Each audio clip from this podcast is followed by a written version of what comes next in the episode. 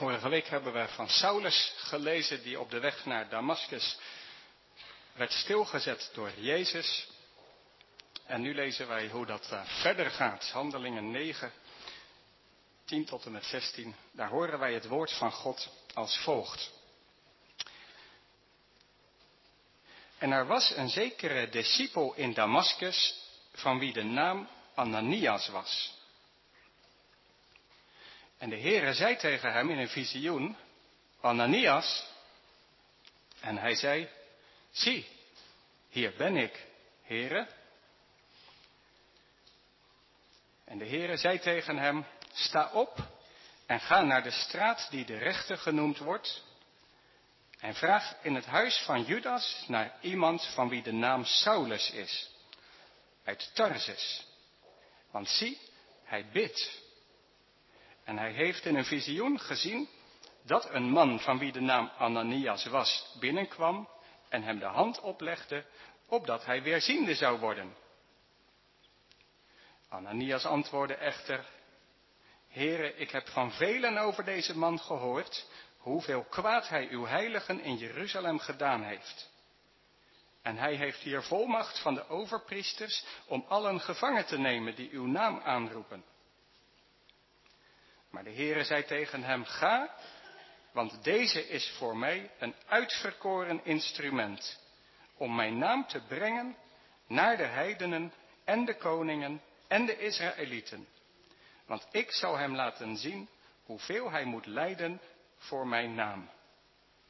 En dan lezen we nog in vers 17, en Ananias ging.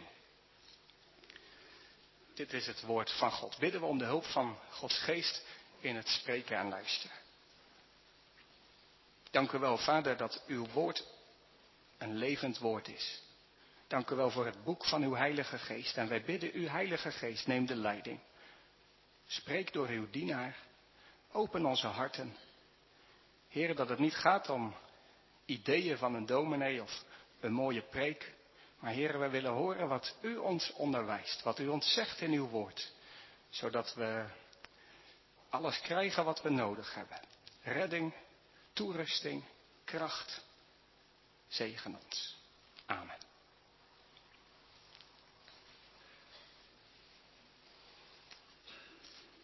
Waar ben jij geroepen?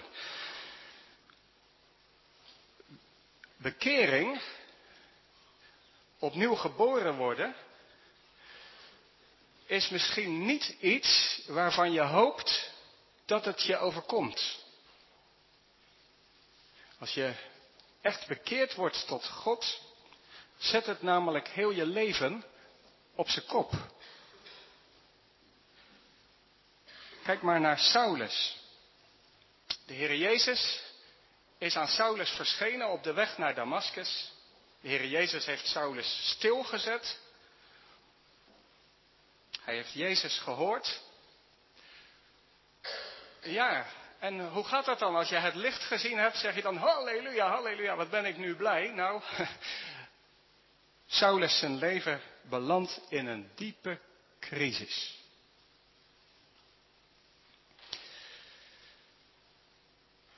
Ik moest denken aan wat er in Jeremia 31 staat. Als je Bijbel bij je hebt, mag je dat wel even opzoeken.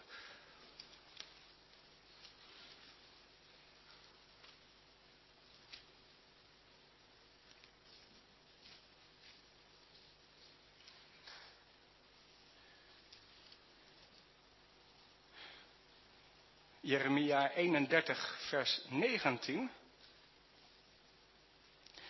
Want nadat ik bekeerd was, heb ik berouw gekregen. Nadat ik met mijzelf bekend ben gemaakt, heb ik mij op de heup geslagen. Ik ben beschaamd, ja ook te schande geworden, omdat ik de smaad van mijn jeugd meedraag. Zodra Paulus ziet wie de Heer Jezus is, roept hij niet halleluja, ik heb het licht gezien, wat ben ik nu blij. Nee, hij heeft gezien wie hij was, wat hij gedaan heeft. En hij weet niet waar hij het zoeken moet. Hulpeloos voelt hij zich. Nou, gelukkig gaat Jeremia 31 nog een stukje verder. Want hoe kijkt God? naar Ephraim en naar Saulus, vers 20 in Jeremia 31. Is Ephraim voor mij niet een dierbare zoon? Is hij voor mij niet een lievelingskind? Want zo dikwijls als ik tot hem spreek, denk ik nog voortdurend aan hem. Daarom is mijn binnenste onrustig. Ik zal mij zeker over hem ontfermen, spreekt de Heere. Ja, Saulus voelt zich hulpeloos, maar gelukkig, de Heere God, zijn hart brandt van liefde voor deze Saulus, van wie heel zijn leven op de kop staat. Ja, bedenk nog eens even hoe zijn leven totaal op de kop staat. Hij is van zijn paard gevallen en blind geworden. Blind. Denk je even in, stel dat je vandaag blind wordt. Ja, hoe, hoe kom je thuis? Wat, ga je doen deze week? Hoe ga je alles voor elkaar krijgen? Blind. Heftig. En voor Saulus helemaal heftig, want blind, ja, zijn werk om, om, om zijn brood mee te verdienen is tentenmaker. Nou ja, dat gaat moeilijk worden natuurlijk als je niks meer kan zien. Er is geen, geen ziektewet, geen uitkering. In die tijd betekent blind worden, betekent ook gelijk bedelaar worden. Je kan voortaan je hand ophouden en hopen dat iemand je wat toestopt. Saulus, door de ontmoeting met Jezus, doordat God hem stilzet, wordt hij blind. Wordt hij bedelaar. Maar niet alleen bedelaar bij mensen, hij wordt bedelaar bij God. Vroeger zag hij zichzelf ook als een gelovige man. En als hij ging bidden, hij heeft natuurlijk honderdduizend keer gebeden.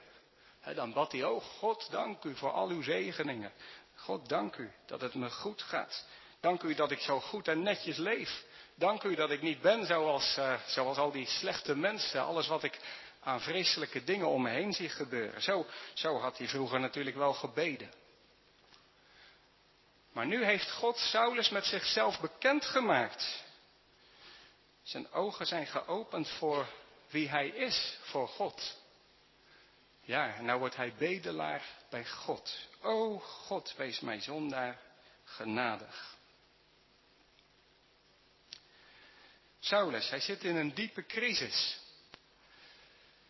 Want waar hij mee bezig was, daar kan, hij weet nu dat hij daar niet mee verder kan. Het kan niet meer. Wat hij deed hiervoor, ja, hij moet aan zijn kameraden gaan vertellen, eh, eh, het spijt me, maar ik moet hiermee stoppen. Aan de hoge priester. En wat zullen die daarvan vinden? Ik geloof nu in Jezus. Nou moet je voorstellen dat hij dat komt vertellen. Kom daar maar mee aan. Hoe moet hij verder? Wat wordt de richting voor zijn leven? Saulus zit in een enorme crisis. Bekering, wedergeboorte, is dat eigenlijk wel iets wat je graag wil? Ik moest denken aan drie mensen van wie ik graag hun boeken lees, die ook op een gegeven moment bekeerd zijn. Eerste, Rosaria Butterfield. Rosaria Butterfield was in Amerika hoogleraar Engels en vrouwenstudies. En ze was een voortrekster van de LHGBT-beweging. Heel actief was ze daarin voor de, deze wereld. Op een dag kreeg ze een brief van een dominee. Dat triggerde haar. Ze leerde die dominee kennen. Ze werd uitgenodigd om daar te komen eten. En gaandeweg werd ze bekeerd. In haar boeken schrijft ze over haar bekering als over een auto-ongeluk. Zette alles, maar dan ook alles in haar leven op zijn kop. Ander voorbeeld, C.S. Lewis was een bekende uh, schrijver, thuis in de Engelse letterkunde ook. Hij geloofde niet in God, niet in Jezus. Maar op een gegeven moment ging hij de Bijbel lezen en hij moest eraan geloven dat Jezus leeft. Hij schrijft in zijn boeken, ik was de meest onwillige bekeerling van heel Engeland. Hij realiseerde zich, als dit klopt, als dit waar is, ja, dan, dan gaat er zoveel op de schop.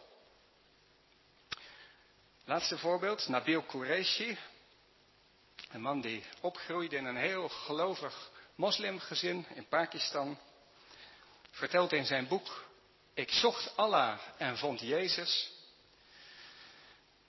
hoe hij een vriend kreeg die in Jezus geloofde. Een vriend die het evangelie met hem deelde. Nou, er is wel acht jaar overheen gegaan voordat hij christen werd. Maar iedere keer als Nabil zijn vriend hoorde vertellen over Jezus, dacht hij, ik hoop dat dit niet waar is. In het begin dacht hij, dit is natuurlijk niet waar. Ik weet al lang dat er niks van klopt. Maar toen begon er zo'n belletje te rinkelen. Misschien klopt het wel. Maar ik hoop dat dit niet waar is. Want als dit waar is, zet alles op zijn kop. Nou ja, sommigen van jullie weten daar ook van. Die spanning. Als het evangelie waar is, als de Bijbel waar is, ja, dan kan je leven niet zomaar voorthobbelen. Heeft dat heel veel consequenties. En het is waar, ik verkondig het ook vandaag. Jezus is voor onze zonde gestorven. Hij is opgestaan uit de dood. Hij is de Heer van de wereld. De Messias. En hij wil dat wij ons aan hem overgeven. Niet voorthobbelen, maar zeggen, hier ben ik, Heer. Hier ben ik, met alles erop en eraan. Bekering een crisis. Maar, en daar wil ik het echt vandaag met jullie over hebben. In die crisis zendt God mensen om te helpen. Daar gaat de preek van vanmorgen over. In Handelingen 8 tot en met Handelingen 11 vertelt dokter Lucas ons drie grootse bekeringen. Het evangelie is een boodschap die niet alleen een stad helemaal vervullen wil. Dat hebben we gezien in de eerste hoofdstukken. Jeruzalem wordt vol van het geloof in Jezus. Maar het evangelie is ook een boodschap die de wereld in wil. Het is veel te groot voor één groep, één plaats, één volk, één stad. Het is iets wat de geschiedenis, wat de wereld in wil. Nou, drie belangrijke bekeringen vertelt dokter Lucas ons in hoofdstuk 8 de Afrikaanse eunuch. In hoofdstuk 9 Saulus. En hoofdstuk 10, 11 Cornelius de Europeaan. dus het evangelie gaat naar Afrika, het gaat naar Europa. En Saulus is de man door wie het evangelie heel de wereld ingaat. Naar alle volken, naar koningen en hooggeplaatsten. Het moet overal heen. Maar bij alle drie deze bekeringen roept God er iemand bij. Bij die Afrikaanse man, Filippus, bij Cornelius, Petrus en bij Saulus, Ananias. En ik geloof dat deze Ananias een soort plaatje is van Jezus, maar ook van, van wat nou eigenlijk het doel, het plan van God met zijn gemeente is. Met jou, met u die wedergeboren bent, die in Jezus bent gaan geloven. In Ananias zie je een plaatje, ja, hoe roeping werkt. Want zo, zoals hij Ananias gebruikt, zo gebruikt hij u en jou ook. Drie punten. Het eerste is Ananias beschikbaar. Het tweede is Ananias betrokken. En het derde is Ananias bereid. Ananias beschikbaar, Ananias betrokken en Ananias bereid. Allereerst Ananias beschikbaar. We lezen nog een keertje vers 10. Er was een zekere discipel in Damascus van wie de naam Ananias was. De Heere zei tegen hem in een visioen, Ananias. En hij zei, zie, hier ben ik, Heere. Lucas benadrukt dat Ananias een zekere discipel was. Gewoon een discipel. En waarom vindt hij dat belangrijk? Hij vindt het heel belangrijk dat Ananias niet een ouderling, een evangelist, een dominee of zoiets was. Een discipel. Een volgeling van Jezus. En hopelijk bent u en ben jij dat ook. En als je het nog niet bent, hoop ik dat je het heel snel wordt. Iemand die weet, Jezus heeft mij verlost.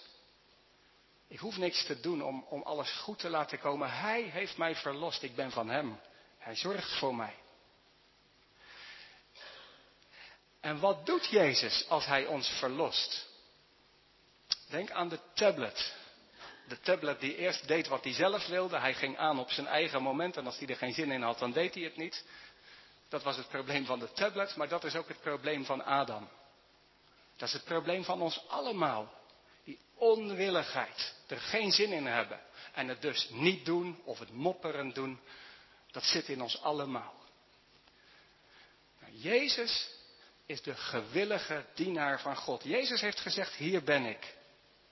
En hij gaf zijn leven ja, om ons oude leven te begraven, mee te nemen zijn dood in.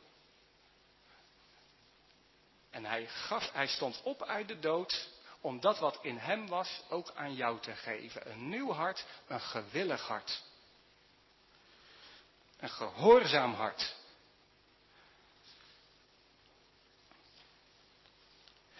Ja, misschien zeg je, ik zou ook wel zo'n visioen willen als uh, Ananias, hè, of zo'n licht willen zien als Paulus. Nou, dat is allemaal natuurlijk heel leuk en dat kan ook gebeuren, het gebeurt ook.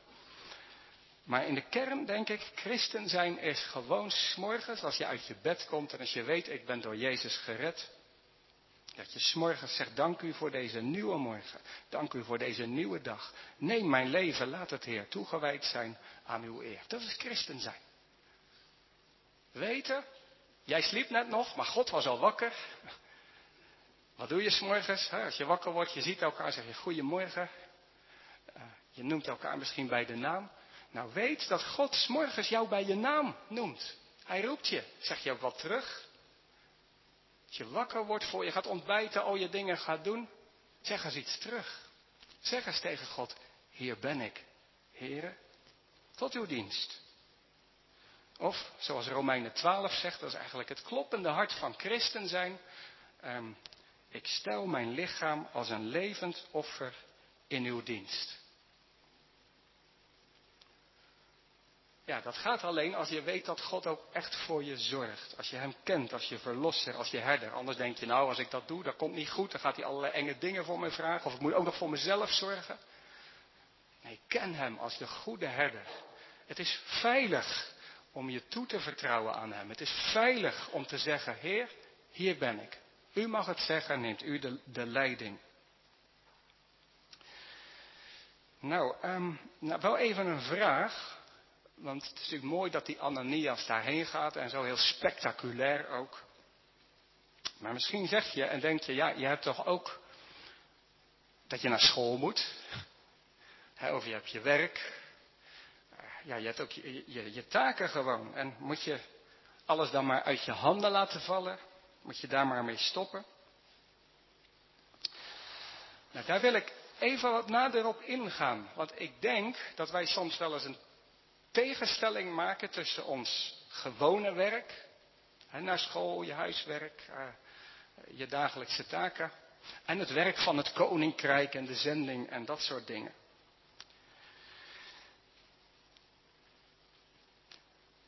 Als je aan Jezus denkt, Jezus heeft drie jaar lang het evangelie verkondigd.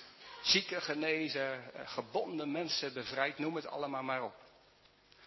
Maar voordat Jezus dit deed, was hij timmerman in de werkplaats van zijn vader, Jozef. En toen zijn vader waarschijnlijk overleden is, nam hij de zaak over. En het woord dat voor timmerman gebruikt wordt, is eigenlijk niet alleen iemand die met hout een tafel of een stoel maakt. De timmerman was gewoon een aannemer, een constructeur. Ik vind dat goed om te bedenken voor ons, dat Jezus veel jaren van zijn leven nou ja, eerst zijn, zijn tafels, zijn rekensommen geoefend heeft. Hè, om ook die dakconstructie uh, uit te kunnen rekenen die hij in Nazareth uh, of in Capernaum moest maken. Een groot deel van Jezus' aardse leven heeft bestaan uit dat soort werk. En is dat minder waardig? Nee, natuurlijk is dat niet minder waardig. Het moet gebeuren. Ik zou dat willen noemen, dat is het het, het scheppingswerk waarvoor God ons eigenlijk in deze wereld gezet heeft. God wilde dat wij ons gewone leven zouden leven tot zijn eer. Je tafel met liefde dekken, je bedden opmaken, je schoolwerk doen, je, je huiswerk en wat al niet meer. Je bloemetjes en je cavia verzorgen. Dat zijn echt dingen die God wil. Ze zijn niet onbelangrijk. wat ons wel eens in de war brengt, is dat in het Nieuwe Testament, en zeker in het boek Handelingen, alle accent valt op het verlossingswerk van God door Jezus. En dat moet ook. Maar dat betekent niet dat ons gewone leven er niet toe doet. Nee, juist daardoor doet ons gewone leven er wel toe. Laat ik een voorbeeld geven en volgens mij maakt dat het helemaal duidelijk. Um, toen de geallieerden binnenvielen op de landingsstranden in Normandië, was alle aandacht van heel Europa, van heel de wereld gericht op wat er daar gebeurde. Natuurlijk, de verlossing voor, voor Europa brak door. Mensen geven hun leven en er komt een andere tijd. en als de geallieerden oprukken, iedereen volgt de berichten. Oh, zijn ze al bij Eindhoven? Zijn ze, dat wil je weten, dat geeft alle aandacht. En zeker als ze bij jouw dorp komen, dan ja, dat neemt al je aandacht in beslag. Maar op de dag dat de geallieerden en Normandië binnenvallen, is er heus ergens in Frankrijk een boer aan het werk op zijn land. En ergens in Nederland is een bakker uh, zijn werk aan het doen in de bakkerij. Is dat werk dan zinloos? Nee, natuurlijk niet. Natuurlijk moet dat werk gebeuren. Je zou het zelfs zo kunnen zeggen. Door wat er in Normandië gebeurt, krijgt het werk van de boer en van de bakker weer zin en glans. Als Europa altijd onder het juk van het nazisme gebleven was, dan zou de boer en de bakker kunnen denken, jongens, wat heeft het eigenlijk nog voor zin in zo'n wereld dat ik nog mijn bed uitkom. Maar als je weet, de bevrijding komt eraan, dan heeft het gewone leven zin. Nou, het Oude Testament, zou je kunnen zeggen, is een boek dat veel aandacht besteedt aan het gewone leven.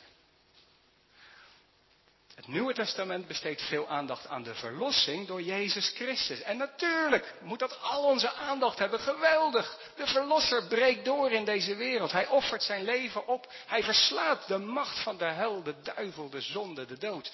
Geweldig, halleluja natuurlijk. En als dat evangelie, dat vertelt handelingen, doorbreekt in de wereld natuurlijk, dan ben je er met al je aandacht bij. Maar dat betekent niet dat je gewone leven zinloos zou zijn. Het krijgt juist zin. Nou, even een hele lange uitweiding. We gaan terug naar Ananias. Ananias zegt tegen God, hier ben ik. Um, dat mag jij ook zeggen. Maar je mag ook weten, als jij s'morgens je dingetjes gaat doen, ze hebben zin. Paulus en Petrus, die zeggen in hun brieven, doe je werk voor de Heer. Wat jij doet, waarvan je denkt, ja maar het is maar iets heel kleins, iets heel onbetekenends. Doe het met liefde. Doe het met aandacht. Denk niet dat het onbelangrijk is. Ik vind het zo mooi. De Heere God die zo groot is, is tegelijk zo nederig dat hij bijvoorbeeld een vlinder, een vlinder die een paar dagen leeft, misschien ergens op de hei, hij wordt misschien in zijn hele leventje nooit door een mens gezien, maar dat kleine vlindertje is door God met pracht en heerlijkheid bekleed. Wat een mooi vlindertje, dat ene kleine vlindertje. Het doet ertoe voor God de Schepper. Nou, zo mag jij weten, mijn taak, mijn plek, ik mag er iets moois van maken. Het doet ertoe. Misschien, zo dacht ik, het staat er niet bij, uh, is Ananias op die dag dat de Heer hem riep om naar Saulus te gaan, wel eerst gewoon nog naar zijn werk geweest. Wie zal het zeggen? Ananias, hij is uh, beschikbaar. En dan gaan we snel naar het tweede punt door. Ananias uh, betrokken. Want wat gaat er gebeuren? God roept hem om betrokken te raken bij Gods verlossingswerk waar hij mee bezig is. Ik dacht altijd dat het bijzondere van dit verhaal is dat Ananias, als hij dat visioen krijgt, ineens weet, oh, er bestaat een man die Saulus heet uit Tarsus. Oh, die is in het huis van Judas, die is aan de rechte straat. Dat dat het bijzondere was. Nou, dat is natuurlijk ook wel bijzonder.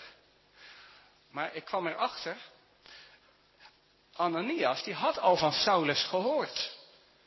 Dus dat was niet zozeer het bijzondere. Ananias had van velen gehoord, dus in Damascus waren de christenen daar mee bezig. Er komt een man aan naar onze stad. En die man, die komt hier hetzelfde doen als in Jeruzalem. Die komt mensen gevangen nemen, die komt hier de kerk kapot maken. Dat zat bij al die mensen dus tussen de oren, dat wisten ze, die man komt eraan.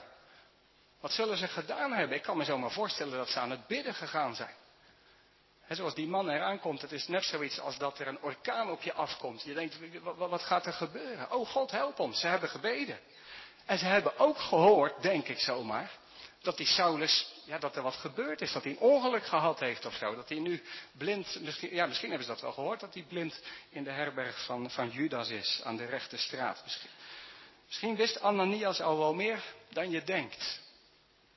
Het bijzondere zit hem denk ik vooral daarin dat Ananias het op zijn hart krijgt, de roeping krijgt, je moet naar die man toe. Wat? Ik? Naar, die man? Ja. Ik ben met hem bezig.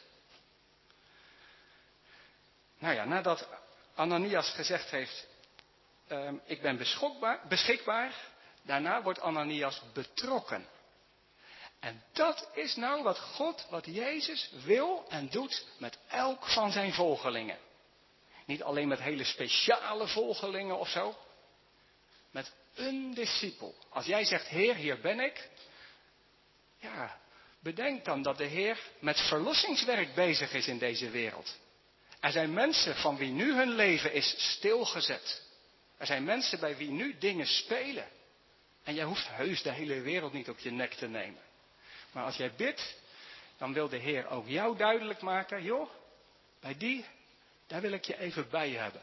Diegene zit in de crisis. Diegene is nu SOS-signalen naar de hemel aan het sturen. En uh, ik ben met hem bezig, maar ik wil jou erbij hebben. Nou, dat is het normale christelijke leven. Filippus hoort, ga naar de weg van Gaza. En hij gaat. Ananias hoort, ga naar de rechte straat. En hij gaat.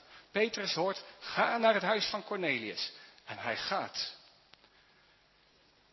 De Heer is bezig met een machtig verlossingswerk in deze wereld.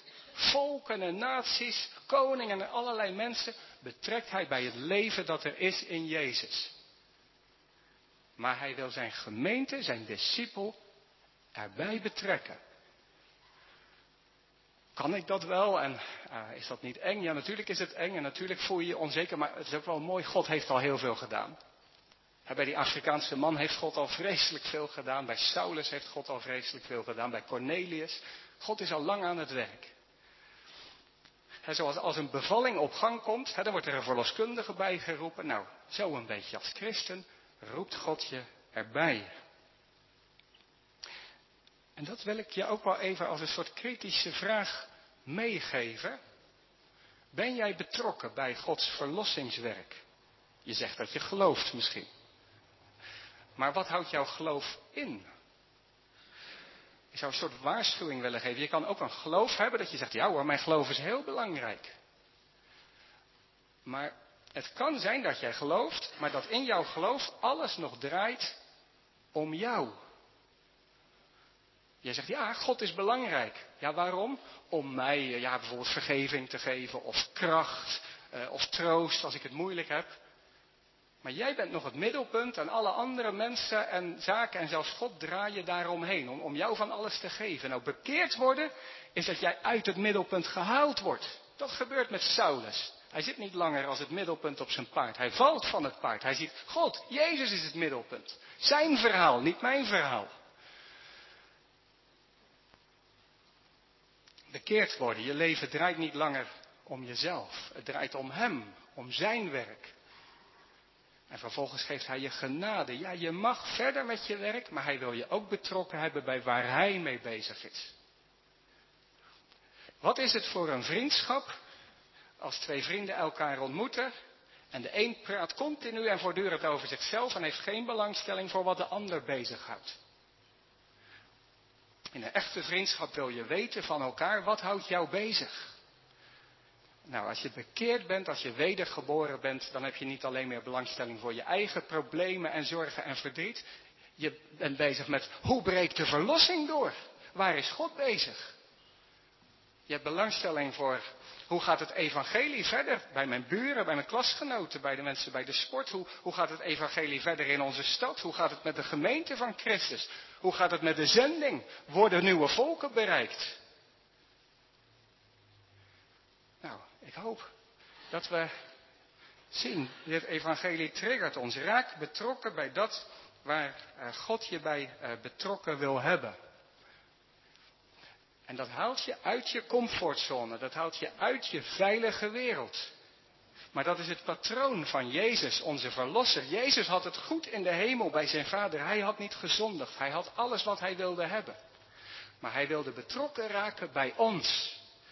Hij wilde in deze wereld komen en dat was lijden voor hem. Hij gaf zijn leven op om ons leven te geven. En zo wil God het ook doen met ons. Denk maar aan Mozes. En Mozes, die was uit Egypte min of meer weggestuurd en gevlucht. Hij had een veilig leventje als schaapherder. Op een dag roept God hem. En hij zegt, Mozes, mijn volk roept tot mij en ik wil dat jij gaat. Nou ja, dat betekent voor Mozes zijn veilige, vertrouwde leventje opgeven en gaan naar een plek wat eng is, wat spannend is, wat riskant is. Nou, de vraag voor ons is, zijn wij daar ook toe bereid? Dat betekent niet meteen dat je allemaal je baan op moet zeggen, dat je je gewone werk niet meer moet doen, maar het betekent misschien wel dat de Heer zegt, nou, diegene, je weet best wie ik bedoel, daar zou je vanavond best eens een keer langs kunnen gaan. En dat je daar dan ook naar luistert, dat, dat je daar wat mee doet en dat je niet zegt, nou, ik doe het wel als ik er zin in heb. Of dat je zegt, nou, um, ik moet ook aan mezelf denken, dus sorry, volgende keer, Heer. Christen is iemand die betrokken wil raken bij dat waar de Heer je bij betrekt. Nou, laatste punt kort, Ananias bereid. Geweldig. In vers 17 staat er gewoon Ananias ging. Ananias had wel wat vragen. Is dit wel veilig? Klopt dit wel? Is het niet mijn eigen idee? En zulke vragen mag en moet je ook stellen. Niet elke gedachte die wij krijgen is van de Heer. Je moet het ook toetsen. Maar de Heer is duidelijk. Ga en dan gaat Ananias. Hij heeft de belofte van God. Deze man, deze Saulus, die zo diep in de puree zit, eh, die denkt, nou mijn leven dat is beëindigd. Deze man ga ik gebruiken. En ik schakel jou in om, ja, een puzzelstukje te zijn in zijn leven. Nou, voor ons is dat ook belangrijk om te bedenken. Als jij naar iemand toe gaat, kan je denken, ik ben de hulpverlener, ik ben de sterke. En degene naar wie ik toe ga, ja, die zit in de puree, dat is de zwakke. Maar ik zou je willen zeggen, bedenk eens, misschien is degene naar wie jij toe gaat, nou juist degene met wie God enorme plannen heeft. En ben jij gewoon even de Ananias onderweg. Voor Ananias zal Saulus vrij snel van het toneel verdwijnen. An, uh, Saulus die gaat even preken in de synagoge dat Jezus de Heer is. Prachtig. Maar even later verdwijnt hij uit Damascus. Hij is nog even in Jeruzalem. En dan verdwijnt hij naar Tarsus en nog naar Arabië. Jarenlang hoor je niks meer van de man. Ik weet niet of Ananias wel iets heeft meegemaakt hoe het met Saulus is verder gegaan. Nou, dat is ook een plaatje voor ons. De Heer roept je om je dagelijks werk met liefde te doen. De Heer betrekt je bij zijn verlossingswerk. Hij betrekt ons als gemeente bij zijn verlossingswerk. Maar ga er maar van uit dat er heel veel is wat je niet te zien krijgt. Maar toch gebeurt het. Vertrouw. Zoals Abraham moest vertrouwen, je wordt een groot nageslacht. Vertrouw, ook jouw leven draagt vrucht, ook als je het niet ziet. Stel je maar beschikbaar en vertrouw. De Heer die je geroepen heeft, Hij heeft je gered en Hij zorgt dat je leven vrucht draagt. We mogen zien in Ananias een beeld van Jezus. Jezus beschikbaar voor God. Jezus betrokken en Jezus bereid. En mogen dat ook het verhaal van ons leven zijn of worden. Amen.